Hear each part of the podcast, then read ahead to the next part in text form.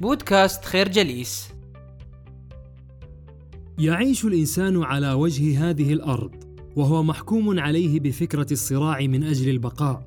كثيرة هي المخلوقات التي خلقها الله على هذه الأرض. نستشف منها هذا القانون الإلهي. لكن الإنسان وحده من أصبح الوسط الذي يتحرك فيه ضيقا على حركته.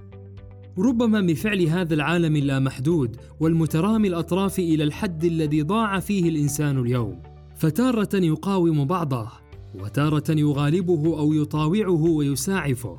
وهذا هو منشأ التنازع والتنافس والتزاحم وتفرع التآلف والتنافر والتعاضد والتعاون.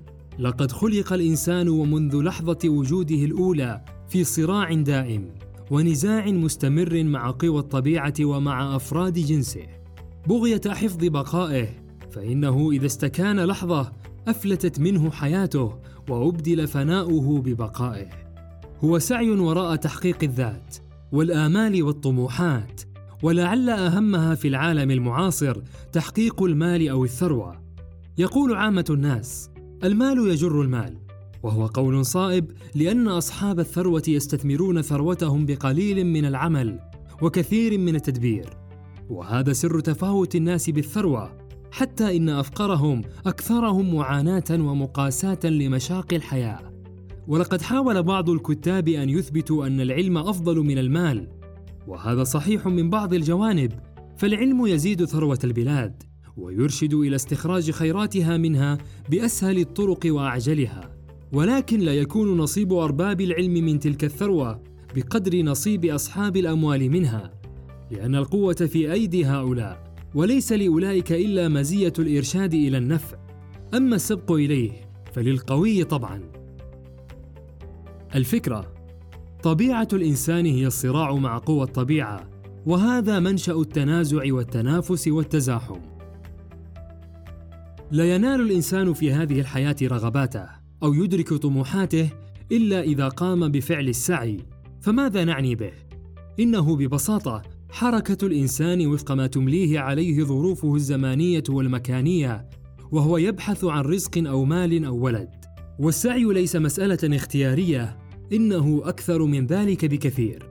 اذ ان الحركة هي ناموس الحياة وقانونها المطرد. لهذا قلنا سابقا بأن ما يحكم هذا العالم هو قانون البقاء للأقوى. فالكائنات والمخلوقات بمختلف تلاوينها تتنازع حياتها الرغبة في البقاء. إذ أن الأقوى هو الأسبق في سلم الارتقاء وهو الأفضل على الدوام. وعلى هذا القانون تكون مسيرة الإنسان. لهذا يتسابق الناس في ميدان هذه الحياة إلى الرزق فأقواهم أسبقهم إليه وأكثرهم سعيا أرقاهم وأسعدهم حالا. بل هناك من يعتقد بأننا كائنات قد كتب لها من الشقاء كتابا في ظهر الغيب. ويجب الاستسلام لهذا القدر. وأن كل المساعي والوسائط مجرد عبث لا طائل منه ولا فائدة من ورائه. والحقيقة أن لكل شيء سببا. فلا بد أن يكون ربح ذاك أو خسران هذا ناجما عن رواج الصنف أو كساده. أو عن وفرة رأس المال أو قلته أو على موافقة السوق للتجارة أو عدمها. الفكرة الظفر بالرزق متوقف على السعي والحركة في هذه الحياة وأن قضاء الله الأزلي ليس عقبة في سبيل السعي والعمل. من القوانين الطبيعية المقررة والتي تحكم عالم الطبيعة نجد أن الحركة تساوي القوة مضروبة بالوقت. مثال ذلك. إذا كانت ساقية ناعورة دائرة بقوة حصان ترفع في الساعة مترا مكعبا من الماء مثلا فلكي ترفع هذا المتر المكعب في نصف ساعة يجب أن تدار بقوة حصانين. أو لكي ترفعه في ساعتين يكفي أن تدار بقوة نصف حصان. أو لكي ترفع مترين في ساعة واحدة يجب أن تدار بقوة حصانين. وهكذا فبقدر ما يبذل الإنسان من القوة بقدر ما يحصل على نفع. لهذا وجب بذل الجهد والاجتهاد في إحراز القوى لاستطاعة العمل الكثير والربح الوفير. لكن هذا لا يكفي بل لابد أن يكون الجهد المبذول متوافقا مع شروط النجاح حتى يؤدي وظيفته ويحقق غايته. ولعل أهم هذه الشروط أن توجه القوى إلى أثمن الأعمال وأحسنها ما استطعت وذلك لضمان الأعمال الأكثر ربحاً ثم تختار من هذه الأعمال ما هو رائج في زمانك ومكانك لكي لا يذهب اجتهادك سدى وأن توفق بين ميولاتك والظروف التي تحيط بك لكي تكون لك القدرة على اختيار الأعمال الرائجة في زمانك ومكانك. الفكرة على الإنسان بذل الجهد والاجتهاد في إحراز القوى من أجل العمل الكثير والمربح.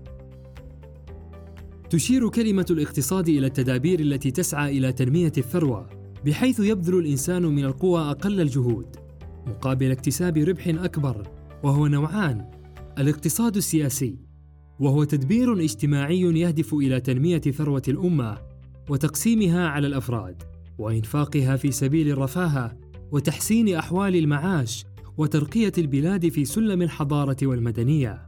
ولذلك يكون للحكومة يد في هذا التدبير، فتنشئ المدارس لتعليم الناشئة وتسهل الطرق لتحسين زراعة البلاد وصناعتها بأن تنشئ البنوك لمساعدة الفلاح والصانع وتضرب الرسوم على الواردات الأجنبية لكي لا تحل محل حاصلات البلاد التي من نوعها.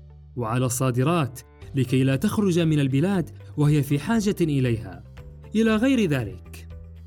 والاقتصاد الشخصي وهو تدبير فردي يهدف إلى إنماء ثروة الفرد أو الأسرة لاتقاء الاعسار والتمتع بالايسار والرفاهة على الدوام.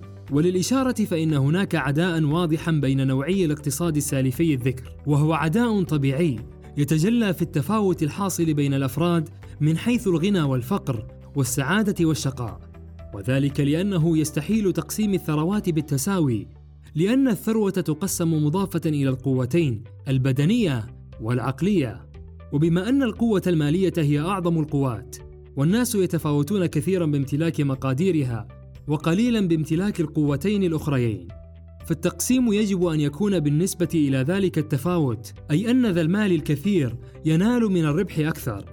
وقلنا إنهم يتفاوتون قليلا بامتلاك القوتين العقلية والبدنية لأنهم يولدون متساوين بهما ثم تنمو القوى العقلية بالتربية والتعليم.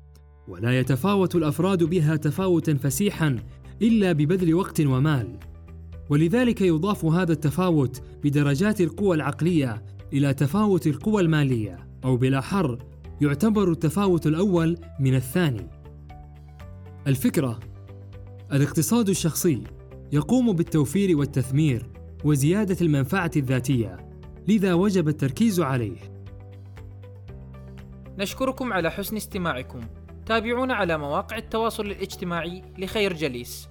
كما يسرنا الاستماع لآرائكم واقتراحاتكم. ونسعد باشتراككم في البودكاست.